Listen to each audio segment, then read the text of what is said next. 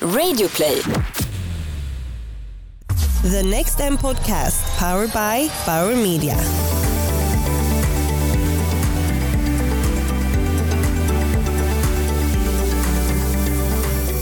Välkommen till Next M's podcast som produceras tillsammans med Bauer Media. Jag heter Klara Grälsson och är VD på mediebyrån Mindshare. I den här podden får du träffa såväl internationella inspiratörer som nationella specialister inom marketing och tech. Jag sitter nu i Bauer Medias studio och framför mig har jag Robin Fränkel som är Head of Media Nordics and Poland på Danone. Hej Klara! Välkommen, hej! Jag var för snabb. Hej och tack! Ja, men kul att du är här. Kul att du vill ha mig. Ja, tre veckor in på Danone, du kom tidigare från Unilever, hur känns det? Ja, men det känns bra. Tre veckor, då är man ju mer eller mindre fully onboarded. Eh, Norden och Polen. Eh, så nej, men det, det är superspännande. Det är eh, Nytt företag, ny kultur, nya människor, nya varumärken. Så ja, det finns att göra och eh, det, det snurrar lite i huvudet men, men saker och ting börjar falla på plats. Ja, Härligt. Vad skulle du säga då är den största omedelbara skillnaden som du har märkt mellan Unilever och eh, Danone? Så den första stora skillnaden är att jag eh, de två första dagarna eh, åkte till mitt gamla jobb. Eh, jag ska alltså inte ta pendeltåget mot, eh, mot eh, eh, Sundbyberg utan jag ska till Solna station. Eh, så, så, jag kom för sent mina två första dagar. Nu funkar det kanske inte riktigt så att man kom för sent, men det, det är en stor skillnad. Men sen så, så är det eh, en, en, lite mindre organisation här i Norden än, än vad Unilever var. Så, så, så, på så sätt har det varit kul att eh, väldigt mycket snabbare få en överblick över alla kollegorna eh, och eh, på sätt och vis komma in i teamet mycket snabbare. Så det är väl den stora direkta skillnaden. Sen så, så känner man ju då till det många sagt, som har sagt, du vet att eh, det är ett franskt bolag du börjar på. Varför jag svarar, ja absolut. Och så är det då tydligen underförstått att man ska veta vad det innebär att, att börja på ett franskt bolag och eh, vad, vad, vad den kulturen för med sig. Men tre veckor in så har jag inte riktigt fått ta del av det. Men jag tror att det är snabbare beslutsvägar medan på Unilever så var det väldigt eh, processstyrt eh, och eh, väldigt tydligt vilka gånger eh, beslutsfattning behövde gå. Eh, Franskt Men, bolag kanske kan innebära att du ska... Äta croissant till frukost och ta en cigg efter lunchen. Ja, kanske Klara. Jag, jag tänkte på att prata franska. Pratar du franska? Pratar inte franska. Eh, jag läste franska åttan, nian men där, där, det var inte mina starka år i plugget. Jag förstår. Ja. Men du, Polen då? Mm. Så, så det, det ska bli spännande. Min farmor och farfar var från Polen, eh, så, så finns en liten anknytning och koppling dit. Eh, men eh, det, det, ska bli intressant faktiskt att få, få sätta sig in i deras, eh, deras media värld och hur den mixen ser ut. Eh, det jag läst mig till så här långt är att de inte är lika långt fram i sin digitala utveckling som vi är här i, eh, i Norden och eh, kanske lite mer traditionella i sin mix men att ambitionen är ju såklart att flytta fram positionerna där också. Så det ska bli intressant och kul att få vara med och driva på det ja, transformationsarbetet om man får slita, liksom, använda ett slitet ord. Den digitala transformationen, men ja, lite så. Den digitala transformationen, man hör det väldigt mycket. Mm. Många eh, företag som, som vi jobbar med på Mindshare vill ju att vi ska bli mer digitala. Mm. Du som kund, vad skulle du säga att eh, mediebyrån måste bli bättre på när man säger att man ska bli bättre på det digitala? Jag tror att, och jag då med, med Unilever och nu Danone kommer då eh, från en bakgrund inom FMCG där vi då inte har varit så digitala utan har, och har fortfarande en väldigt traditionell mediamix och vi har eh, ja, mer eller mindre 98 procent av våra köp i fysiska butiker och inte så mycket online. Eh, och det jag tror att ni kan bli bättre på, men det, är, det är ju svårt, men det, det ni kan utmana oss på är att vi som kund har en bättre idé om vad vår digitala strategi är och hur, hur våra varumärken tar sig uttryck digitalt och vilken roll de ska spela. För att jag tror att det blir lätt för oss när, när vi nu har gjort det här skiftet förhållandevis snabbt, för oss i alla fall, att hoppas att ni ska lösa det åt oss. Ni kommer med the magic sauce liksom.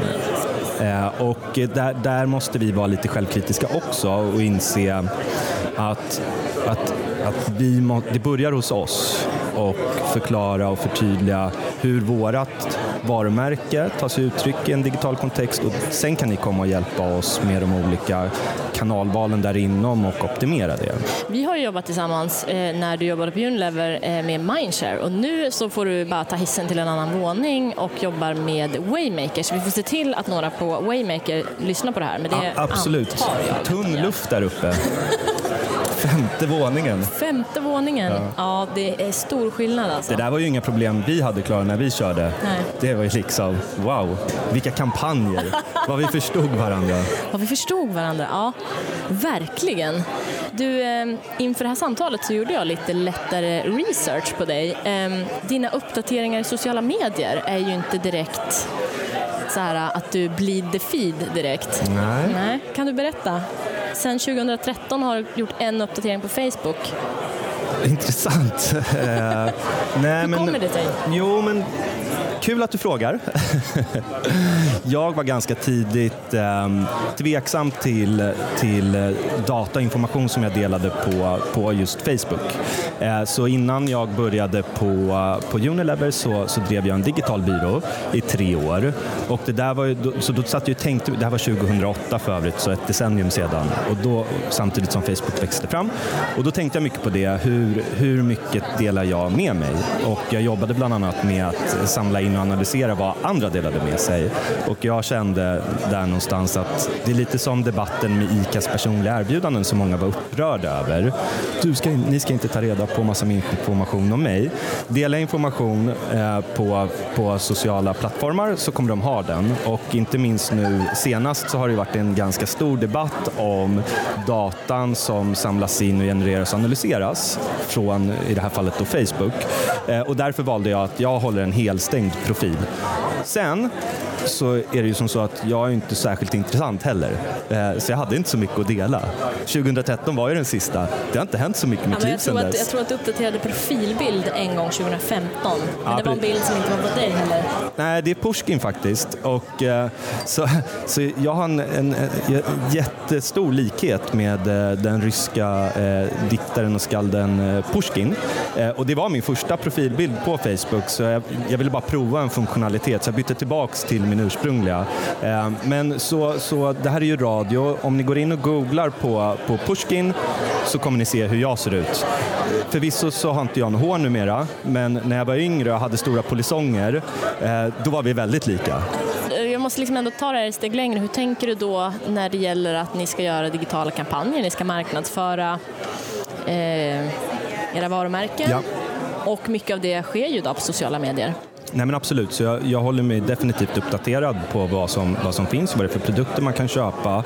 Och sen så har det ju sen, sen några år tillbaka förändrats också mycket där, där man framförallt drev sin sociala strategi baserat på att man skulle bygga organiska grupper till där man idag nu egentligen bara kan annonsera sig ut för att synas. Eh, om det var två eller tre år sedan som Facebook och i förlängningen blev det Instagram också ändrade på algoritmen så att om man uppdaterade i sin, sin sin page eller group så nådde det bara ut till 2-3% av de följarna där man numera då måste lägga paid bakom också för att komma ut. Så på så sätt så, så har, har, gjorde ju framförallt Facebook om sin, sin plattform till att bli mer eh, reach media eh, och eh, bytte modellen och pratade ett språk som vi älskar och förstod och sålde det som man köper TV ungefär eh, på reach and frequency. Så, så ur det hänseendet så, så är det okej, okay, eh, tror jag. Och sen Snapchats ehm, produkter som man kan köpa skiljer sig också ganska mycket från hur, hur, hur det faktiska användandet ser ut. Uh, nu har de för sig ändrat layouten lite vilket blev, blev uppmärksammat. Använder du Snap? Jag är en stalker. Du stalker, ja. Men sen, sen, sen Kardashians eh, slutade eh, i, i, i, större utsträckning att använda det och, och klanka ner lite på det nya interfacet så har jag tagit avstånd. Ja, Okej, okay. det var liksom Kardashian som ja, var precis. tipping point där. Jag tänkte att vi skulle köra några snabba. Eh, stories eller Snapchat? Eh, stories. iPhone eller Android? iPhone. Förrätt eller efterrätt? Huvudrätt. Huvudrätt? Morgonpigg eller morgontrött? Eh, morgonpigg. Snyggt. Konsert eller sportevenemang? Eh, konsert, eh, men, men gärna sport också. Mm. Du är liksom lite båda? Jag drar åt båda hållen. Sol eller skidsemester? Eh, sol om det inte är för varmt. Jag har ju då en väldigt ljus pigmentering. Du är som mig, är lite fräknig, liksom så- lite rödaktig. 15 till 20 grader sol är ju kanon, men det är kanske inte är det man tänker Nej, på men sol. det är den svenska sommaren då, ja, som du gillar. Älskar det. Jag, hade, jag har lite högre eh, krav än så faktiskt på den svenska sommaren, men vi får väl se. Ute eller hemmakväll? Alltså en, en, en hemmakväll som, som, kommer, som man kommer ut på. Det, det är det bästa. Ja. Ja. Man, eller, eller en utekväll som blev en hemmakväll. Senare då, eller? Nej, men om man, man tänkte att man skulle gå ut, men så ja. blev, blev ja, man kvar. de är faktiskt bäst. Eh, hade en middag för några veckor sedan där, där vi skulle gå ut, men vi blev klara vid halv fem. Det var helt otroligt. Det händer ju inte riktigt på det sättet längre. Mitt liv, det var länge sedan mitt liv såg ut så måste jag erkänna. Ja. Jag har nog mer hemmakväll nu för tiden på, Ja. den, på den faktiskt. Men vet du vad, jag ska sitta med Peter Svartling snart som eh, var med i Idoljuryn Just det. för ganska länge sedan. Är det någon Mm. fråga som du skulle vilja ställa till honom? Um, vad svårt. Ehm, jag skulle vara väldigt intresserad och kommer såklart lyssna in om jag får höra vem han anser är världens mest underskattade producent idag och den svängigaste soul-låten han vet. Och så hoppas jag att ni spelar den efter. Oj, ja, svängigaste soul-låten. Ja, men jag noterar det här. Vill du fråga mig någonting Robin? Hur mår du? Jag mår bra. Det är fantastiskt.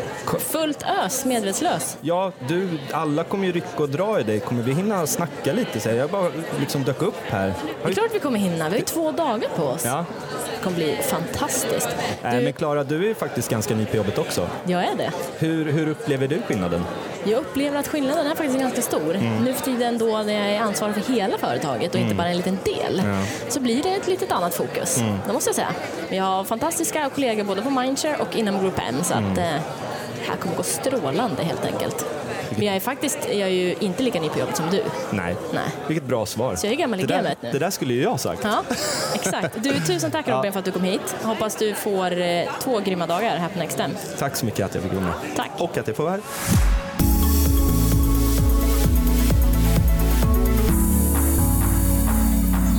Nu sitter jag i Bauer Medias studio och framför mig har jag Peter Svartling som är medgrundare och ordförande i We Are One, Just det, bland annat. bland annat. Ja.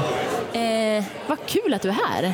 ja men tack. Det är schysst att vara här och träffa dig igen. Ja, det var ju ganska länge sedan, men du, hur eh, var morgonen? Ja, morgonen. Jag, jag, jag var, min fru stack iväg och jobbade jättetidigt så jag var ju själv med mina två små barn som är snart tre och snart fem. Så det var det vanliga kaoset liksom.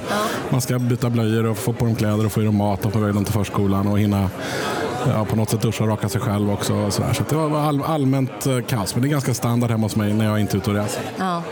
I know the feeling. Jag har min tre och ett åring han cyklade ifrån mig i morse faktiskt. Han har börjat med sin Okej. trampcykel nu så jag fick Wow. springa. Halvsvettig var jag när jag kom fram till förskolan och lämnade av. Jaha. Du, eh, vi är på Nextem Ja. som är ett tech-event anordnat av Group M. Ehm, och eftersom det fortfarande är ganska tidigt på första dagen, vad har du för förväntningar? Du, jag har eh, kollat igenom programmet så jag har hittat ett antal eh, föreläsningar som jag vill gå och titta på. Be mig inte att, rapa upp dem för att jag, det, det är ganska många jag hade tänkt se och det är väldigt många eh, ja, föreläsningar eller event man kan, och keynotes här som man kan titta på. Men jag har gått igenom schemat och jag ser fram emot åtminstone en sex, sju stycken tycker jag låter superspännande.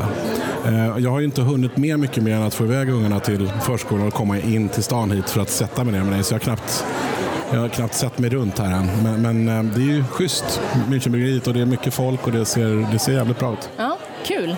Många eh, känner ju igen dig eh, och kanske har hört din, din namn, din röst och sett ditt ansikte i Idol. Eh, och kanske bara förknippar dig med musik, men du har ju en stark relation till tech. Ja, eh, det stämmer. Jag började ju faktiskt min, min karriär eh, med, i ett datautvecklingsföretag. Så vi var på med dataprogrammering, databashantering, det som då kallades för fjärde generationens databaser. Så det, det är många år sedan, jag är en gammal gubbe nu. Och, eh, ehm, så det var, det var häftigt. Jag hade en kompanjon och vi datoriserade bland annat eh, Beijers, Bukowskis och Auktionsverket. Jobbade med posten och lite sådana saker. Och sen sålde vi det programvaran som vi hade utvecklat då, till eh, Philips elektronikindustrier. Och då så startade jag och samma kille då, Peppe, Peppe Silvergård, eh, ett skivbolag som heter Ricochet Records för lite av de pengarna. Och då blev det musik, för där låg kanske mitt hjärta, eller där bultade mitt hjärta starkast. Ja. Och hur länge Sen- sedan var det då? 85, så det, det, det är länge sedan. Och sen då? Det, sen har det varit en, en, en... eh, Jag blir ganska rastlös efter ett tag. Jag tycker om att, att få saker att hända och eh, skapa tillväxt. Men sen är jag inte så intresserad av förvaltning. Jag är inte så bra på det helt enkelt. Så jag, jag, blir, jag har varit ganska, på ganska många saker och många ställen. Väldigt mycket har ju eh, kopplingar till underhållning och tech. Eller tech. Så det, det, det har varit mycket saker. Ja, det var väl det. Då har vi rört oss ganska mycket närmare in, eh, det. mot nutiden. Men absolut, jag var vd för ett företag som heter Poseidon och eh, satte ihop en grupp investerare och tog oss in i företaget. Eh, tog en maktposition i företaget då, och drev det under ett antal år. Eh, framförallt så var det en, eh, en så kallad rebreeder som, som man hade utvecklat. Eh, som, som, man kan, för att förenkla det kan man säga så här. Det astronauterna har uppe i rymden när de ska andas, det tog man med sig under vattnet.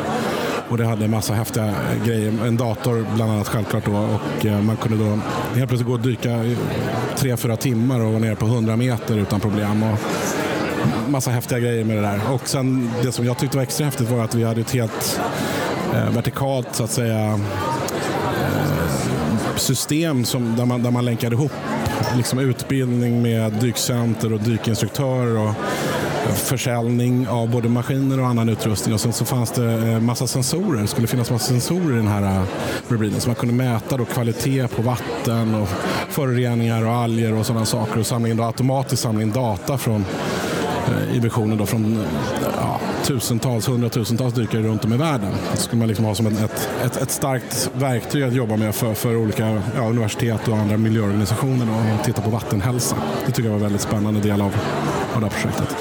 Men vattenhälsa och sen har du också arbetat med el. Ja, det Eller är ännu senare. Ja, ja, absolut. Jag känner att du är miljömedveten på något sätt. Vatten, Jag blev ganska el. uppfuckad. Jag såg den där filmen som han, vicepresidenten Al Gore gjorde för typ 15 år sedan eller något sånt där och blev verkligen så här äh, blev väldigt påverkad av den. För jag hade väl som väldigt många andra bara levt på och inte tänkt på någonting, vad man kastar eller hur man förbrukar och konsumerar utan bara liksom kört min grej. Och, och, och den där var, den var väldigt effektiv. Den var väldigt uh, uppskakande för mig så att jag, jag fick en, en stark känsla att jag behövde göra saker och ting. Så att jag har nog haft, haft både genomfört och även försökt genomföra en del ganska stora miljöorienterade projekt sen dess. Och mycket på filantropsidan och haft långtgångna projekt med till exempel Världsnaturfonden och sånt. Och jag försöker väl nästan alltid hitta den vinkeln på saker som jag gör. Att, att det ska vara, finnas något gott med det och att det ska finnas ett miljötänk eller vara rent ut sagt bra för miljön. Så elprojektet handlade ju om att vi, eh, vi skapade en modell där man då kan kostnadsneutralt till att betala de stora elbolagen för el så skulle man då få installera solceller, batteri, eh, en smart home inverter som då analyserar allt man gör i hemmet och hjälper en att både förbruka och spara energi och sälja energi när det är mest förmånligast på elbörsen. Det man alltså genererar från solcellerna. Och vi lyckas komma fram och, eh, i ett system som då kunde försörja sig själv till 75 procent.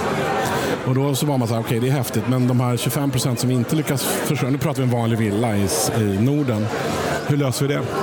Och då utvecklade vi ett, ett system där man med eh, eh, blockchain-teknologi och en egen eh, virtuell valuta, men som inte var någon sån här häftig ICO och, och liksom en, en coin som ska bli värd hur mycket som helst. Utan det var för interntransaktioner inom det här nätverket. Då kunde man erbjuda hushåll i Kalifornien och i Australien eh, gratis installationer av solceller mot 30 procent av deras energi. För de klarar sig nämligen på 70 procent av det som de genererar. För det är så mycket mer solintensivt och mycket mer soltimmar där. Så då, då, och då får du då en överproduktion från de 30 procent som täcker upp vår produktion. Och så kan man trada man den över gränserna med blockchain och en egen valuta så att kunden får som en virtuell dagbok. Eller eh, bankbok menar jag såklart, en virtuell bankbok. Där man samlar på sig då credits som man sedan byter mot ström. Ganska häftigt, ganska avancerat. Väldigt häftigt. Jag är själv lite insnöad på det här med miljön just nu. Det finns ju Bra. ett eh, program på SVT som heter Storuman Forever. Mm. Det är Björn Ferry och Heidi Andersson som eh, ska försöka förändra eh, lite grann hur man lever uppe i Storuman med att förminska deras eh, koldioxidutsläpp. Så jag var ju tvungen att göra en sån här, eller i programmet då så gör de ju sån här Eh, de gör olika typer av ko- klimatkoller då på de här personerna som är med i programmet och ska vara med och tävla i Björn vs Heidis lag. Och eh, jag har förstått då att man mäter det på ton koldioxid per år som man släpper ut. Liksom. Och jag landar ju ganska bra, men min stora bov är ju resor. Om man behöver flyga eh, en del så är det ju det som drar iväg. Så jag landade på 13,9 ton. Eh, jag måste visa här min. Eh, och då är det resorna som är 10,5 ton. Det är den stora boven för dig. resten, annars så klarar jag ju mig nästan på, på, på ganska bra. Ja, men man får köra hä- häst och vagn eller gå, Ja, men jag har jogga. ju lite bil i alla fall som, som man kommer fem mil på el. Det är bra. Så det är bra. Det är jättebra. Och liksom en ma- massa andra små grejer. Du, ehm, är det något speciellt område som du letar inspiration inom just nu då? Alltså vi, ja, just nu så håller jag på med det här We Are One som vi pratade om. Det, det är ju att vi, vi eh, reinventar, vad heter det på svenska? Återuppfinner. Ja, något sånt. återuppfinner. Vi återuppfinner relationen eller återskapar en ny sorts relation mellan fans och eh, vad, vad vi nu ska kalla det för, stjärnor då. Det kan ju självklart vara musik, det kan vara skådisar, det kan vara sport, det kan vara vad som helst. Hittat en helt ny sorts kommunikationsmöjlighet som har visat sig fungera väldigt bra. Och eh, även i, i en, en subscription-modell som funkar väldigt bra. Så vi, har, vi har ju då ett antal eh, inne på den här eh, plattformen nu och att det, det, det ser väldigt, väldigt positivt ut. Så nu håller vi på eh, och rullar ut det. Det är ett eh, bolag som är i New York. Ehm, och sen så är jag inblandad lite med i ett, något som heter Utopia. Som, som ska, jag är tänkt att det ska förändra eh, en, en, en, en plattform som är baserad på en, på en eh, blockchain-teknologi men den är, ska göras gratis för alla. Och eh, ska skapa bara transparens, tydliga kontrakt, klippa bort mellanhänder och eh, monetarisera en hel bransch. Just i musikbranschen? Den är mer inriktad på musik och We Are One är då in- inriktad på egentligen alla sorts relationer. Det skulle till och med kunna vara en, ett uh, innebandyhockeylag i division 2 som fick sina 40 kompisar och familjemedlemmar att stötta dem genom den här appen. Så det, det är ganska häftigt. Ja. Det får jag ta med mig då, Ja, jag som eh, tycker Ja. om att spela lite innebandy. Jag vet det, jag visste ju det. Det låter ju jättespännande. Du har ju mycket då inom musik också nu fortfarande. Ja, det, ja, absolut. Du har precis varit i LA. Jag har varit i LA och hållit på med ett, eh, ett produktionsbolag där som håller på med reklamfilm och musikproduktion och sånt. Och jag har ju ett, eh, är delägare i ett bolag som jag grundade i Stockholm som heter Artery som har en studio uppe i Slussen och ger ut skivor, eller inspelningar får man ju säga. Ja, för nu säger man inte, jag kan säga skivor skivor. längre. Ja, nej, men det är svårt för en gammal hund att sitta. Vet du. Så, att, eh, så att det är ett skivbolag. Vi har framgångar med en artist som heter Moana. Så det, jag vet inte hur jag får tiden att räcka till. Nej, jag undrar eh, också faktiskt ja, när du Man får vara väldigt om allting. effektiv och så får man klippa bort allt när man är med familjen. Så får man bara stänga. Det är den mån det går. Det här med framtiden och cyborgs och hur vi egentligen, mm, både våra gadgets blir mer uppkopplade men även vi blir mer uppkopplade och man har chip under huden eller ja, vad tycker du om sånt? Tycker du att det är spännande eller läskigt? Nej, jag tycker, jag tycker... Det enda som jag är lite rädd för det är faktiskt AI. Eh, Det tycker jag är lite läskigt. Men alla sådana andra grejer som att ha chip under huden, och, nej, det tycker jag är jättekul och spännande. Jag skulle gärna stoppa in lite sånt i mig själv och byta ut lite kroppsdelar och lite hjärnceller och allt möjligt. Ja, ja men det är ganska kul faktiskt. Ja, du, vad är det där för någonting då? Men jag har ju faktiskt ett litet sånt in, eh, det är ett litet chip. Är det det?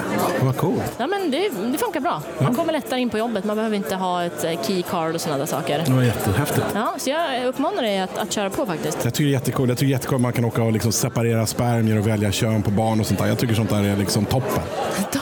Jag tycker det. Jag, jag har inte gjort det själv, men Nej. jag tycker att det är... Du gillar bara att det finns liksom? Att det är Nej, ja, jag tycker alla sådana möjligheter. Men, ja. Ja. Läckert, läckert. Jag har några sådana där um, snabba frågor Ja. som inte är speciellt eh, svåra eller eh, ja, förrätt eller efterrätt. Oh, jag är ju en liten godisgris. Nu blir det efterrätt. Men jag gillar både och. Morgonpigg eller morgontrött? Du, jag har varit väldigt morgontrött tills jag fick barn. Och nu har allt, allting har bara skruvats om. Så nu är jag morgonpigg. Man får ju ut jäkligt mycket av dagen ändå, Mm. det måste jag säga, när man kliver upp sådär äh, i ottan. Fem Fem. Konsert eller, eller sportevenemang? konsert. Där, såklart. Sol eller skidsemester? Oj, ja, nej men det blir solen då. Vi har för mycket snö här, det är för kallt här. Men jag, jag gillar ju att åka skidor. Jag gillar ju skidsemester också. Men nej men sol, det blir sol. Ute eller hemmakväll? Eh, det är definitivt hemmakväll nu och det känns jättebra. Jag har haft en hel del utekvällar. Eh, Anders Bagge eller Daniel Breitholtz? Åh fy fan. Ja, den var taskig du. Anders jag går ju way, way, way, way back. Alltså, så att det är ju, men vi, ja, jag vet inte, Daniel och jag är ju kanske lite mer lika i personligheten. Måste jag verkligen. Nej, nej okej då. Det får passa på Jag den gillar, helt gillar båda. Ja, du gillar båda. Ja, jag gillar båda. På olika sätt. Eh, Jag pratade med eh, Robin Fränkel som eh, jobbar på Danone alldeles för ett litet tag sedan och han skickade med en fråga till dig och det var vilka tycker du är den mest underskattade producenten? Oj. Ja, det kanske var lite... Ja, men alltså i Sverige eller genom, och genom tiderna? Eller Du får liksom, begränsa dig själv. och sen ska ju folk kanske veta vad man är. Nej, det behöver man inte veta. Du kan nog bara säga men, något. men, jag, jag, nej, men jag tycker så här, jag tycker det finns eh, många fantastiska producenter. Men en som jag tycker är, mitt hjärta slår lite extra för, det var en gubbe, en, en mörkhyad gentleman som gjorde fantastiska saker på 70-talet som heter Norman Whitfield. Och det kan ju vara kul för folk att få upptäcka honom om man inte har gjort det. Men det finns såklart en uppsjö både idag och historiskt sett som, är, som förtjänar mer. Svängigaste, soul-låten. Svängigaste? Det var hans egna ord, så att jag eh, liksom... svänger, det, det svänger Sickan. Uh, men alltså hela grejen med soul är att du ska ju svänga och groova. Får man, ska man ta någon old school då? Nej men jag får, ta, jag får ju vara lite så här. eh, Nej, jag måste säga eh, Switch med Moana. Switch med Moana. Jag måste kunna säga det till Robinson. Jag måste ju prata lite reklam för min egna. Ja, just det. Get high on your own supply. Verkligen. Ja. Verkligen. Ehm, ja, jag är så glad att du ville komma hit och prata med mig. Jag tycker det var så kul att träffa dig igen Klara. Det var länge sedan vi Det var sågs. Jättelänge sedan vi sågs. Jag tror att det nästan var 8-10 år sedan. Men jag har följt dig. Du är grym. Du har följt mig. Ja, du är grym. Jag tycker du är, ja, du är en förebild. Gud vad gulligt. Tack så mycket. Nej, jag menar det. Du, kul att vara här. Tack. Ja, tack.